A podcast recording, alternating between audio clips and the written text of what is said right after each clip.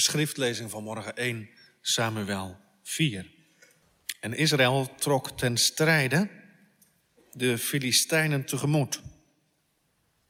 Zij sloegen hun kamp op bij Eben Haezer, terwijl de Filistijnen hun kamp opsloegen bij Afek. En de Filistijnen stelden zich op tegenover Israël. En toen de strijd zich uitbreidde, werd Israël door de Filistijnen verslagen. Want zij doden in de gelederen in het open veld ongeveer 4000 man. Toen het volk in het kamp gekomen was, zeiden de oudsten van Israël: Waarom heeft de Heere ons vandaag voor de Filistijnen verslagen? Laten wij vanuit Silo de ark van het verbond van de Heere bij ons nemen. En laat die in ons midden komen, opdat die ons zal verlossen uit de hand van onze vijanden. Toen zond het volk boden naar Silo en men bracht vandaar de verbondsark van de heren van de legermachten die tussen de Gerub stroont en de twee zonen van Eli, Hofni en Pinehas, waren daar met de ark van het verbond van God. En het gebeurde toen de ark van het verbond van de Heer in het kamp kwam, dat heel Israël zo'n uitbundig gejuich aanhief dat de aarde dreunde. En toen de Filistijnen het geluid van het gejuich hoorden, zeiden ze: Wat betekent het geluid van dit uitbundige gejuich in het kamp van de Hebreeën? En toen zij vernamen dat de ark van de Heer in het kamp gekomen was, werden de Filistijnen bevreesd. Want zij zeiden: God is in het leger gekomen. En ze zeiden: Wee ons, want iets dergelijks is er sinds jaar en dag niet gebeurd. Wee ons. Wie zal ons redden uit de hand van deze machtige goden? Dit zijn dezelfde goden die de Egyptenaren met alle plagen getroffen hebben bij de woestijn. Filistijnen, vat moed en wees mannen. Anders zult u de Hebreeën moeten dienen zoals zij u gediend hebben. Wees mannen en strijd. Toen streden de Filistijnen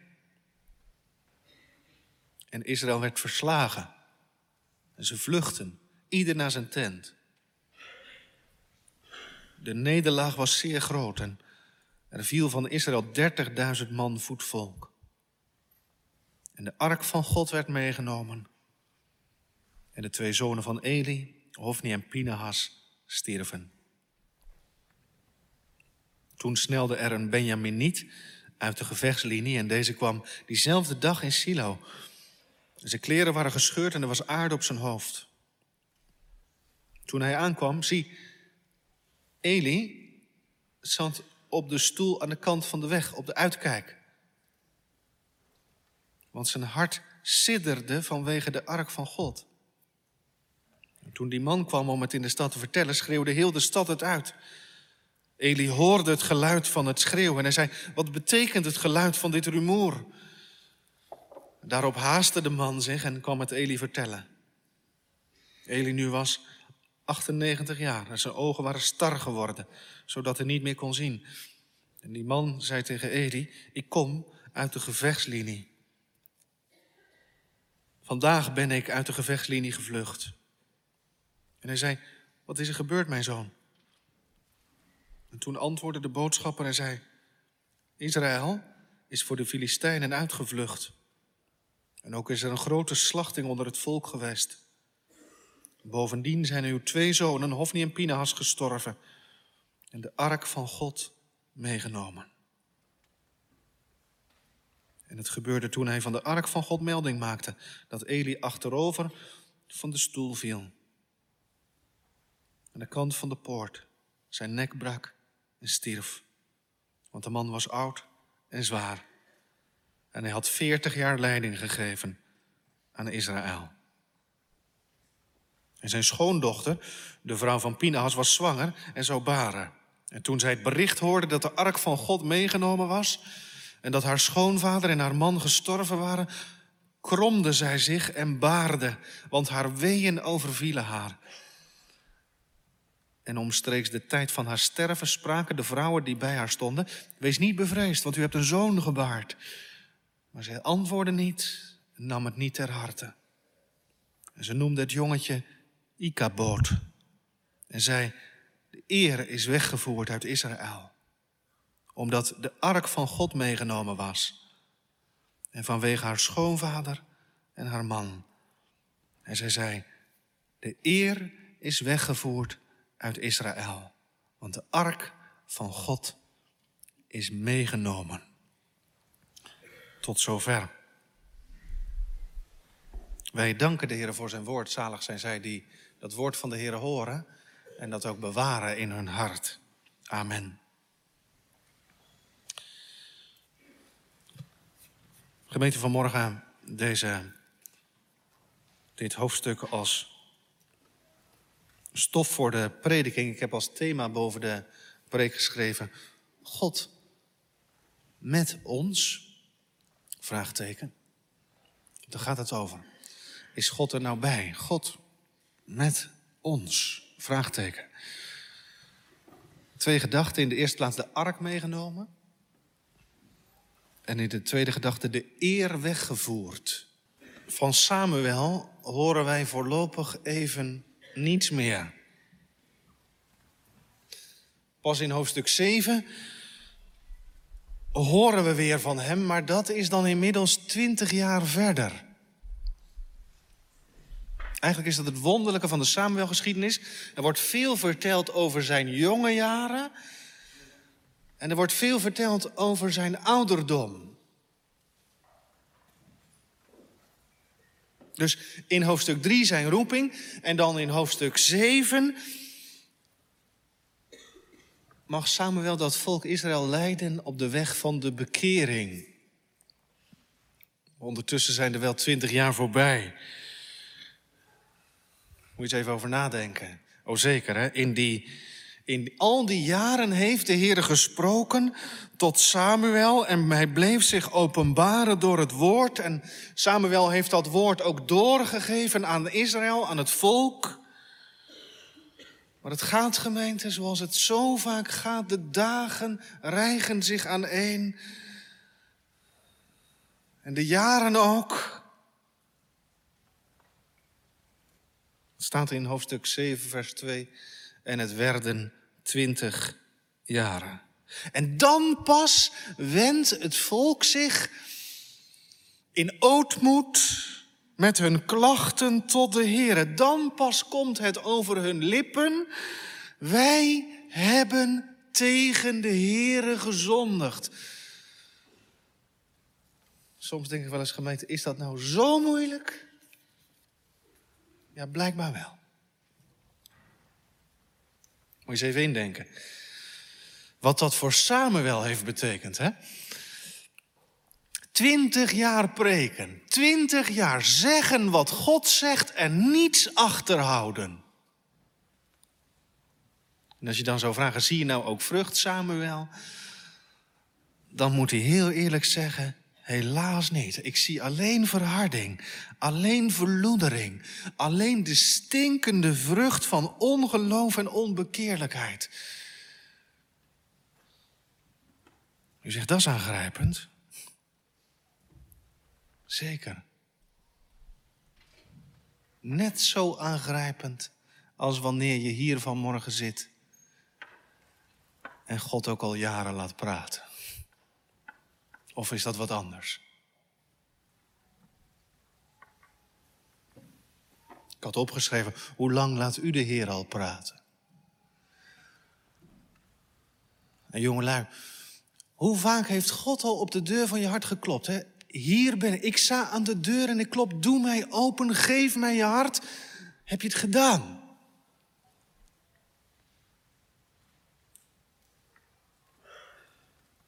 Want al die tijd heeft Israël de stem van God gehoord, maar ze deden er niets mee. Ik dacht, gemeente, dat is nou precies het onbekeerde leven. Er wordt wel gepreekt en je hoort het woord wel, Je luistert er niet naar. Grijpt me vaak aan, gemeente. En, en je ziet het in de Bijbel. Het is ook geen vreemde geschiedenis, dat weet ik ook wel. Maar het grijpt me wel vaak aan. Kijk, want je kunt natuurlijk vanmorgen zeggen... die geschiedenis laat weer eens zien dat God alle tijd heeft. Toch? Want God gaat wel door. Maar weet u wat het aangrijpende van deze geschiedenis is, gemeente? Dat God wel alle tijd heeft. Maar dat het een grote vraag is of u en jij en ik ook de tijd krijgen die wij denken te kunnen nemen. Dat is de vraag. En daarom hè, zegt de Bijbel altijd als het gaat over die roep van het woord, de stem van de Heer, niet morgen, overmorgen, later, heden. Vandaag, als je zijn stem hoort, verhard je dan niet, maar laat je leiden.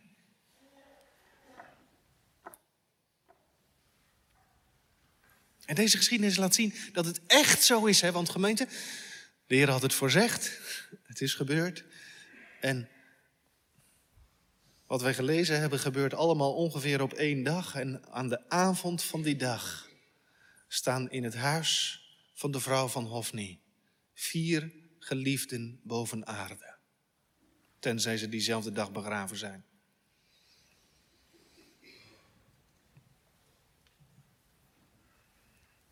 En ondertussen kraait de kleine Ika-boot in de wieg. Leven en dood op één dag. Dat maakt die geschiedenis zo aangrijpend, gemeente. Duizenden van het volk komen om.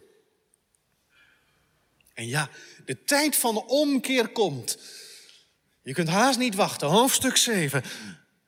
Maar nog Eli, nog Hofni en Pinahas, nog de vrouw van Pinahas maken die tijd van omkeer mee.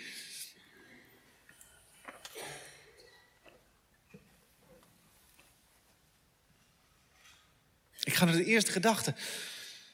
En die heb ik genoemd, gemeente, de ark meegenomen. Want de geschiedenis die wij gelezen hebben, die, die begint met de strijd van Israël tegen de Filistijnen.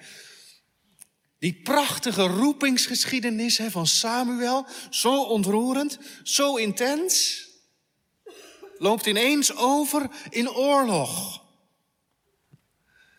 De legers van, de, van Israël nemen hun positie in bij Eben Haezer, hebben we gelezen.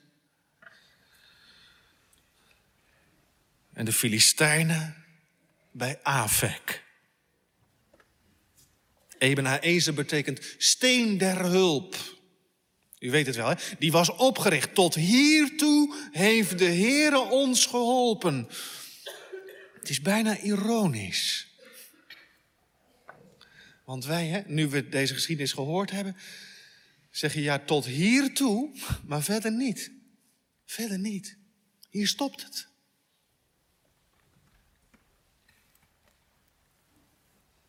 Dus Israël hè, neemt positie in bij Ebenezer, de Filistijnen die afkomstig zijn van wat we vandaag de Gazastrook noemen. Hè, die zijn naar het noorden getrokken.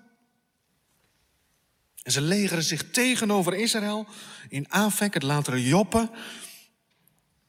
En die strijd, die eerste oorlog, die opstand van Israël, wordt een fiasco. 4000 mannen sterven en Israël wordt verslagen. En dan, dan gaan ze terug naar het kamp. En we hebben in vers 3 gelezen, gemeente, daar wordt een hele belangrijke vraag gesteld.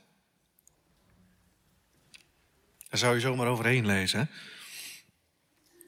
Dan wordt de vraag gesteld, waarom heeft de Heere ons vandaag voor de Filistijnen geslagen? Is opmerkelijk, hè? Ze zeggen niet, nou, we hadden gehoopt op iets beters, maar die Filistijnen bleken ons te sterk te zijn. Nee, de Heere heeft ons verslagen. Waarom?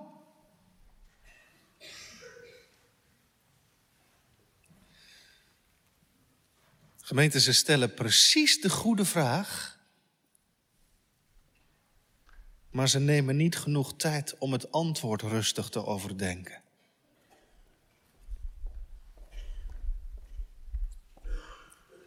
Dat is er eentje om te onthouden. Ze stellen precies de goede vraag, maar ze nemen niet de tijd om het antwoord te bedenken.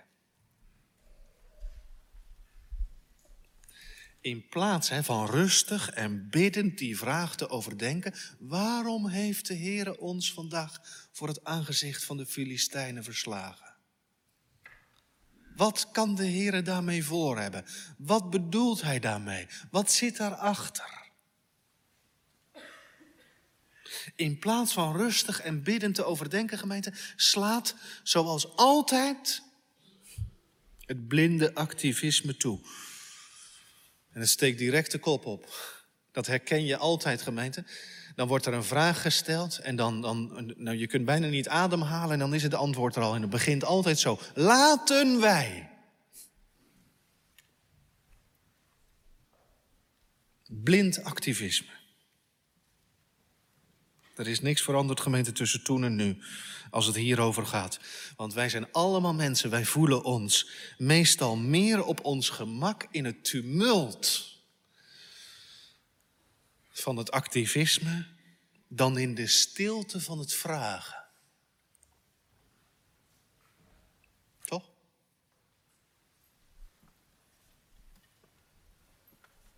Wat gaan we doen?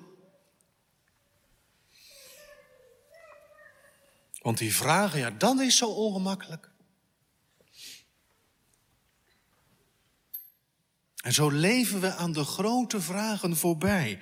Waarom heeft de Heere ons vandaag geslagen voor het oog van de Filistijnen? En ik zei, zo leven we, en daar bedoel ik ook ons mee, en ook mezelf, zo leven we aan de grote vragen voorbij. Ik vrees wel eens gemeente dat we dat als kerk ook doen.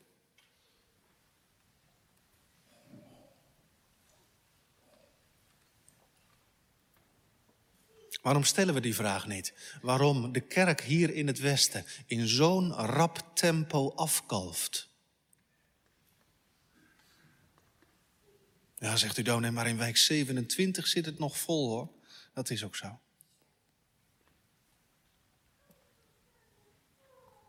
Maar je hoeft maar. Je. Denkt u daar nooit over na? Wat betekent dat? Dat kerken leeglopen, gesloten worden. En denkt u nooit na over die vraag. Hè? Hoe komt het dat in plaats daarvan, hè? dus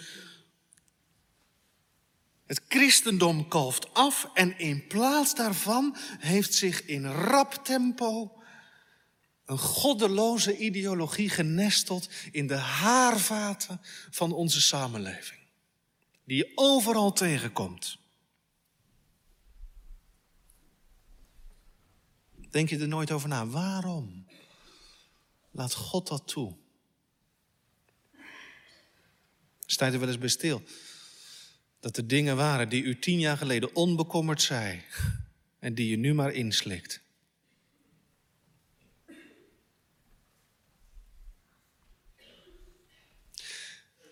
En waarom wordt zo weinig die vraag gesteld? Wat betekent dat voor ons als gemeente? Wat is nou onze roeping in zo'n tijd? Waar komt het nou op aan? Hoe waken we over ons hart en over het hart van onze jongeren en onze kinderen in zo'n tijd? En als we zien hè, dat die geest zich al nestelt in het denken en in het hart van onze kinderen, wat doen we dan?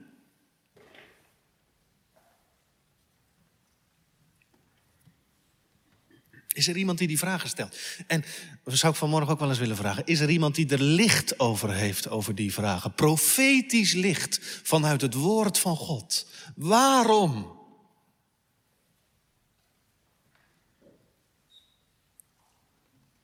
Of zijn wij struisvogels? Dat gevoel krijg ik wel eens gemeente, dat we in elkaar duiken en dat we hopen hè, dat als straks de storm voorbij is, dat wij er nog zijn. En de mensen van wie we houden ook. Maar we hebben geen idee. Want, hier, want gemeente, de, de, de vraag, de goede vraag werd gesteld. Maar ze zochten niet naar het goede antwoord. Want dat stond in de schrift. En ik zeg dat vanmorgen, en daarom sta ik er even wat uitgebreider bij stilgemeend, omdat er in de Bijbel geen bekering is die niet omkranst wordt en begeleid wordt door vragen. Niemand is ooit tot bekering gekomen zonder vragen te stellen. Niet voor het eerst en ook niet opnieuw.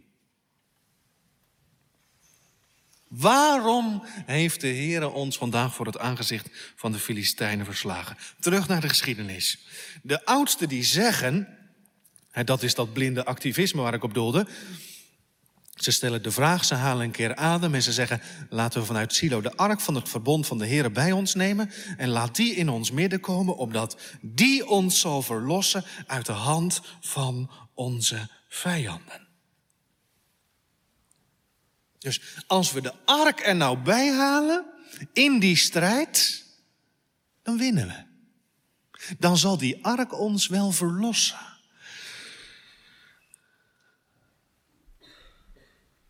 En gemeente, als u wat thuis bent in de Bijbel, dan weet u, ja, zo was het al wel een aantal keer gegaan. Hè? Denk, dat is niet vreemd dat ze die ark gaan halen. Je vindt dat hè, bij uh, Jericho, als met de ark om die stad heen gelopen wordt en de muren vallen. Je vindt het, hè, denk aan de doortocht door de Jordaan, hoe de ark daar in het midden van dat water stond als een, als een, als een, als een bewaker van het water, een doorgang voor het volk Israël. Later in Koningen, hè, bij Uria vind je het nog een keer. Dan is dat nog steeds gebruik. Dat die ark meegenomen wordt hè, op het slagveld. Dus op zich is dat niet vreemd, dat ze die ark mee willen nemen. En daar hulp van verwachten. Want die ark, en dat weet u wellicht, die ark die staat voor de aanwezigheid van God in Israël. Als de God die regeert. En die van boven dat verzoendeksel spreekt met Mozes en door Mozes tot het volk. De God die regeert, de God die spreekt en de God die graag vergeeft.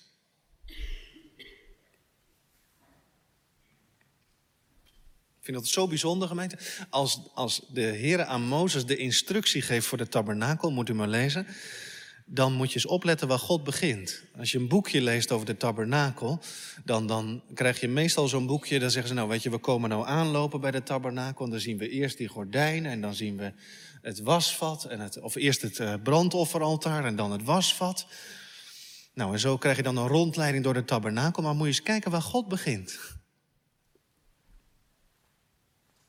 Exodus 25, meen ik allereerste waar de Heer instructie voor geeft, is de ark van het verbond. Dan is er nog niet eens een tent. Nee, die ark, dat is het, ik zou bijna zeggen, dat is nou wat God het meest op het hart ligt. In die ark werden uiteindelijk de tafels van de wet bewaard. Een prachtig beeld van de Heer Jezus Christus. Ik draag uw heilige wet. Daar lag de staf van Aaron in, de kruik met manna. En telkens heet, heet die ark hier de ark van het verbond van de Here. De ark die van de gunst van God getuigt.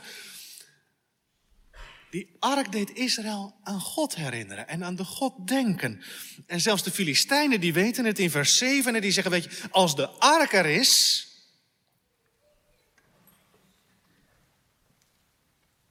want die ark die komt in het leger van Israël en dan zeggen ze, weet je, nu is God er. Dus waar de ark is, daar is God. God met ons.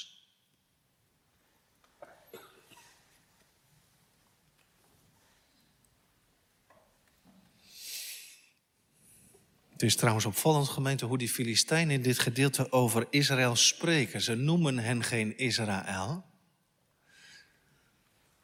Ze noemen hen Hebreeën. Israël, dat is de naam van het volk. Nee, zeggen die Filistijnen, het is geen volk. Het is geen volk. Het zijn tweede rangs allochtonen. Ooit hier binnengekomen. En ze horen hier niet en ze moeten weg. Hebreeën. En, en nu die ark hè, in het leger van Israël is, strijden ze niet alleen tegen die Hebreeën, maar ze strijden ook nog eens tegen de God van Israël. Hè? Want je denkt als je, het, als je de geschiedenis hoort, hè, je hoort ze roepen, wee ons, wie zal ons redden? Dit zijn de machtige goden hè, die, de Isra die de Egyptenaren met al die plagen getroffen hebben, vers 8. En dan zou je denken dat ze zeggen, nou jongens, we blazen het af. Maar in plaats daarvan hè,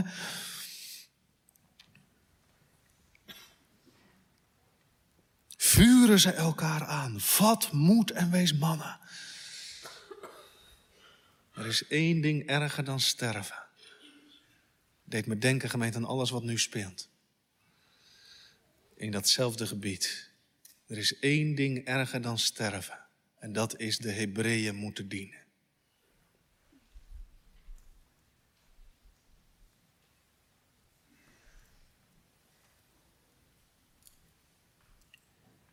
En zo gaan de Israëlieten opnieuw op pad. Nu met de ark.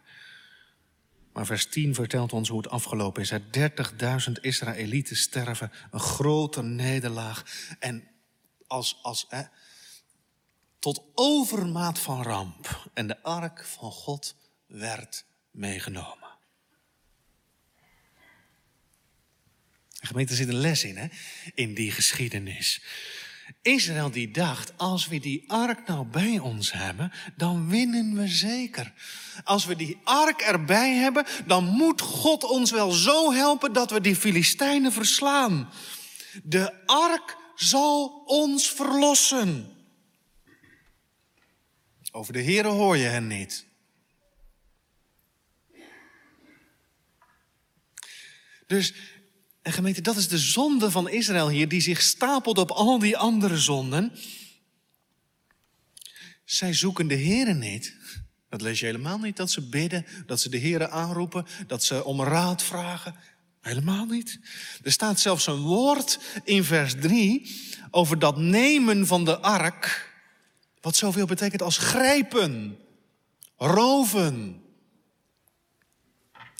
Ze rennen naar de tabernakel, grissen die ark uit de tabernakel, slepen hem het slagveld op. Blind vertrouwen in een box van hout, geschilderd met gouden verf.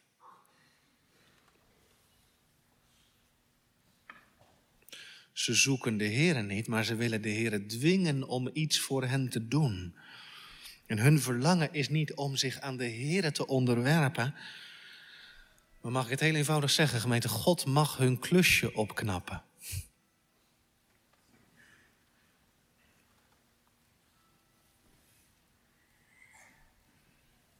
Hun band met God is gericht, mag ik het zo zeggen, op praktisch nut.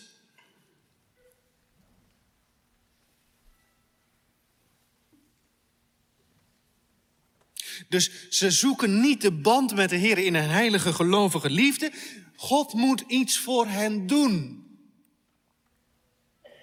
God moet ons helpen, maar we bekeren ons niet. De gemeente, daar bedankt de God van Israël vriendelijk voor. En ik haal het meteen maar even naar ons toe. Ik las bij iemand als de kerk stopt met beleiden, u bent waardig, en in plaats daarvan zegt, Heere, u bent ons handig, dan is de ark weer weggevoerd. Israël dacht, als we die ark bij ons hebben, nou dan moet het goed gaan.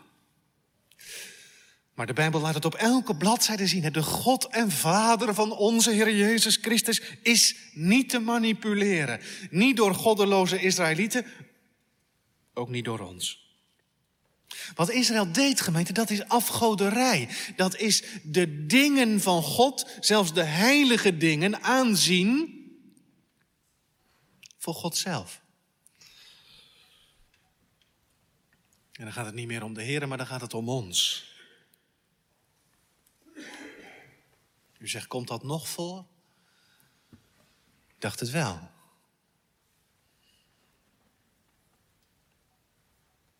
Waar verwacht u nou uw zaligheid van? Vraag het wel eens aan de catechizanten, blijdeniskatechizanten.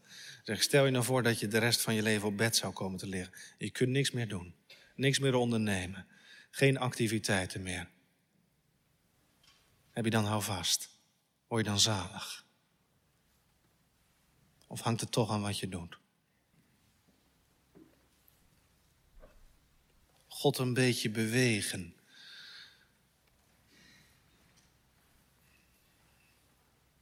We moeten wel eens aan denken, gemeente. Als het niet zo is, heb ik niks gezegd. Ik moet er wel eens aan denken als er een gebedsmarathon georganiseerd wordt of een nacht van gebed. Kijk, als dat werkelijk gaat hè, om met de Here te worstelen, om een bepaalde zaak, heb ik niks gezegd. Maar soms denk ik, of zit er ook iets in van de geest van 1 Samuel 4? Van nou kan God niet meer om ons heen, nu wij een nacht opblijven. Want dan is het geen geloof, gemeente, dan is het afgoderij. Want het gebed hè, is de genadegave van God om de gemeenschap met Hem te beoefenen en niet een soort pressiemiddel zonder bekering. Wat je te pas en te onpas kunt gebruiken, inzetten, als het uitkomt. Nee. En daarom hè, zie je die strijd in Israël, die loopt dood. De ark wordt weggevoerd. Wat Israël gedacht had, wat nooit kon gebeuren, gebeurt. God vertrekt. Ik dacht, daar leren wij dus van, de gemeente, dat God dus liever die ark laat vertrekken, dan dat hij ons laat volharden in een misbruik van hem. Daarom even die vragen die ik aan het begin stelde, gemeente. Waarom laat God het allemaal toe? Ook in onze tijd. Heeft dat niet ook hiermee te maken? Ik ga naar de tweede gedachte, de eer weggevoerd. Gemeente in vers 11 is de dood van Hofni en Pinehas het laatste wat genoemd wordt. Dus de ark wordt weggevoerd, duizenden worden in Israël geslagen en Hofni en Pinehas stierven. En voordat je dat vergeet, moet je bedenken, dat is in deze geschiedenis de vervulling van wat de Heer had voorzegd. Hoofdstuk 2, vers 34. Dus de dood van Hofni en Pinehas is vervulling van de voorzegging van de Heer. Vervulling van het oordeel van God over het huis van Eli, over Hofni en Pinehas moet je dus bedenken, God houdt getrouw zijn woord. Wat zeggen we dan, hè? Dat gaat twee kanten op, gemeente. Dat geldt zeker van zijn genadige belofte, maar het geldt even zeker ook van zijn dreiging. Hij houdt getrouw zijn woord. En hier zie je dat in dit aangrijpende hoofdstuk, dat als de Heer dat zegt, door de man Gods in hoofdstuk 2, als hij dat ook bekend maakt aan Samuel, dan doet hij het ook. Ik kom eens mensen tegen in de gemeente die zeggen, ja dominee, weet je, we hopen maar dat het een beetje meevalt. Nee, dat gaat niet meevallen. De Bijbel zegt, het is vreselijk om te vallen in de handen van de levende God, buiten Christus. Daar kun je het niet op aan laten komen. En daar hoef je het ook niet op aan te laten komen. Dus maar dat is het einde. God vervult zijn woord. En dan vers 12 tot en met 22 staan in het teken van de bekendmaking van wat er is gebeurd. Eerst wordt onze blik gericht op Eli. Jongelui, ik dacht, als, als kind heb ik me altijd afgevraagd, hoe kan dat nou? Hè? Dat die man op die stoel zit en dan achterover van afvalt. Nou, waarschijnlijk is het een soort, hij zit daar langs de weg op een, wij zouden vandaag zeggen, een soort hokker, een krukje. Op de uitkijk. En dan staat er, zijn hart sidderde vanwege de ark. Zijn hart siddert niet vanwege Hofni en Pinahas, die meegegaan zijn in die strijd. Niet vanwege zijn zonen, zijn hart siddert vanwege de ark.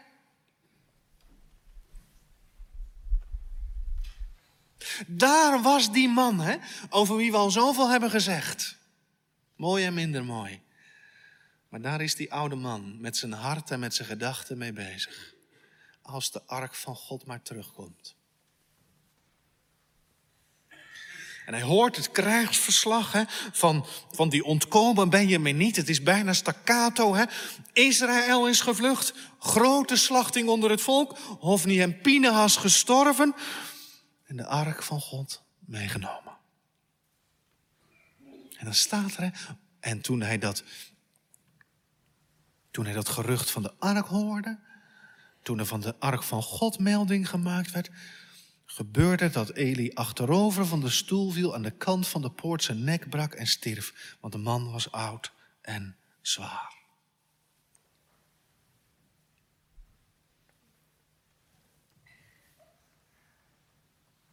En daarna richt de Heilige Geest onze blik op de vrouw van Pinaas. De vrouw zonder naam. Ze loopt op het laatst. En ook haar bereikt het bericht. Moet je eens opletten op de volgorde. Bij, bij Eli is het Israël gevlucht, grote slachting, Hofni en Pinahas gestorven en de ark van God meegenomen. Bij de, de vrouw van Pinahas ligt alle nadruk op dat bericht van de ark, wat ze hoort als ze hoorde dat de ark van God, vers 19, meegenomen was en dat haar schoonvader en haar man gestorven was, kromde zij zich en baarde, want haar weeën overvielen haar. Dus het grijpt haar zo aan dat nu de ark van God weg is, meegenomen is, dat ze terstond begint te baren. En, en ze baart en de vrouwen eromheen, die proberen haar nog wat op te beuren. En ze zeggen, nou, wees niet bevreesd hoor, u hebt een zoon gebaard. Maar dan staat er, maar zij antwoordde niet en nam het niet ter harte. De vrouw van Pina's, wat een leven moet zij gehad hebben. Hè? Staat er niet. Maar dat kun je wel bedenken.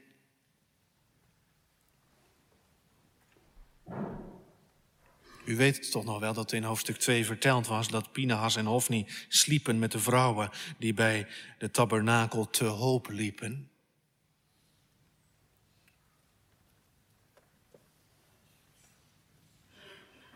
Ze trouwden met een man die aan haar niet genoeg had. En met een man waarvan we weten uit hoofdstuk 2 dat als hij zijn zin niet kreeg, dreigde.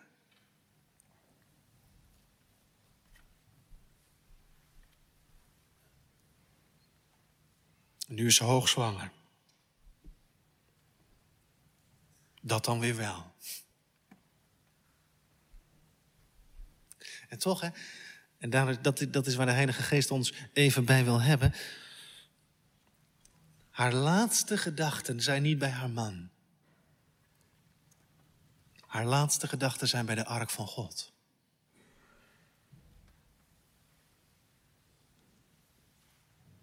Dat grijpt haar zo aan, hè, dat de ark weg is, dat ze haar kind niet vernoemt naar vader of opa, maar dat ze hem de naam meegeeft Ikaboot. De eer is weggevoerd uit Israël, want de ark van God is meegenomen. Dus zo zwaar neemt ze dat op. Hè? De eer is weg. Het woordje eer, dat woordje kaboot, hè, dat zit in die naam ikaboot. Kaboot betekent, en dat wordt in onze vertaling vaak weergegeven als eer of heerlijkheid. Maar het betekent in de Bijbel de merkbare, lichtende, tastbare aanwezigheid van God in het midden van het volk. Dus als de tabernakel helemaal opgebouwd is, als alles erin staat, dan vult de heerlijkheid van God de tabernakel en het heilige der heiligen.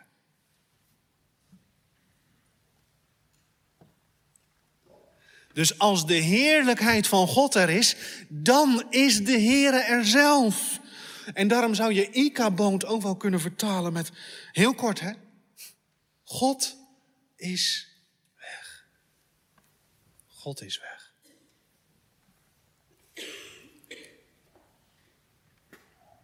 Ik moest even denken aan die paar regels uit de Dordtse leerregels. Hoofdstuk 5, 13. Waar gesproken wordt hè, over het aangezicht van de verzoende God. Prachtig is dat, hè? Dat wordt zo indrukwekkend gezegd, hè? Hij zegt, dat gezicht, dat verzoende aangezicht van God te zien, is voor de godvruchtigen beter dan het leven en de verberging daarvan bitterder dan de dood.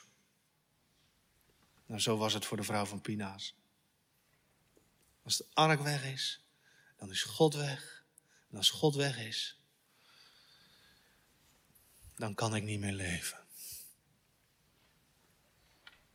De eer is weg, want de ark is weg. En dan is God weg. U zegt, dominee, wat heeft, wat heeft dat ons dan te zeggen? Nou gemeente, wat in het Oude Testament een tabernakel is zonder ark, is in het Nieuwe Testament een gemeente zonder dat Christus in het midden staat. Ik zei het al, de ark was een beeld van Christus. Ik denk dat blijft altijd weer de vraag.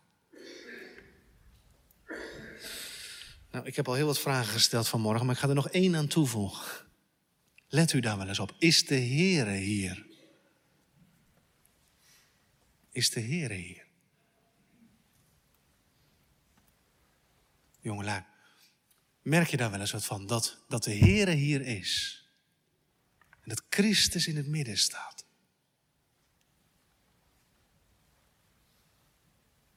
Of bidden we wel om nabijheid? Bidden we wel dat de Heer erbij is, maar letten we er vervolgens helemaal niet meer op? Want daar gaat het om.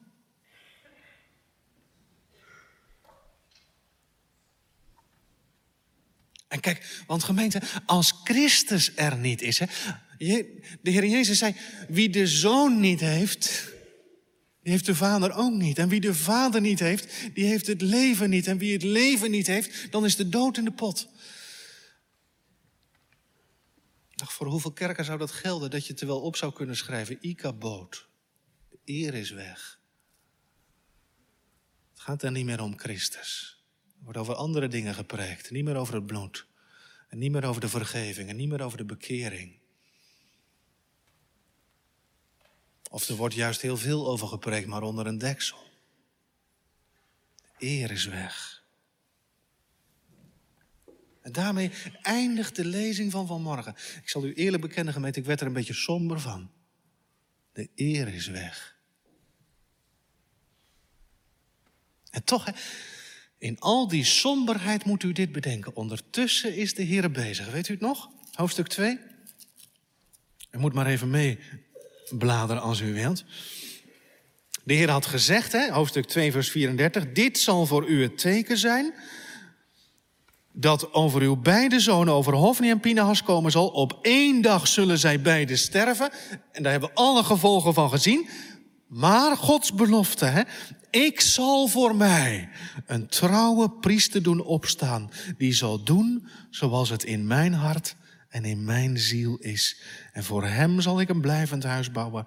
En hij zal alle dagen voor de ogen van mijn gezalfde wandelen. Daar gaat het om. Dus door het oordeel heen werkt de Heer toe naar de bekering van Israël. Door de dood van Hofni en Pinaus maakt hij ruimte voor Zadok. Priester naar het hart van God. En daarom, waarom doet de Heer dat? Nou gemeente, soms moet God weggaan. Opdat wij Hem opnieuw, of misschien wel voor het eerst in ons leven, echt zouden zoeken om wie Hij is. De Heer zegent zijn woord om Christus wil. Amen.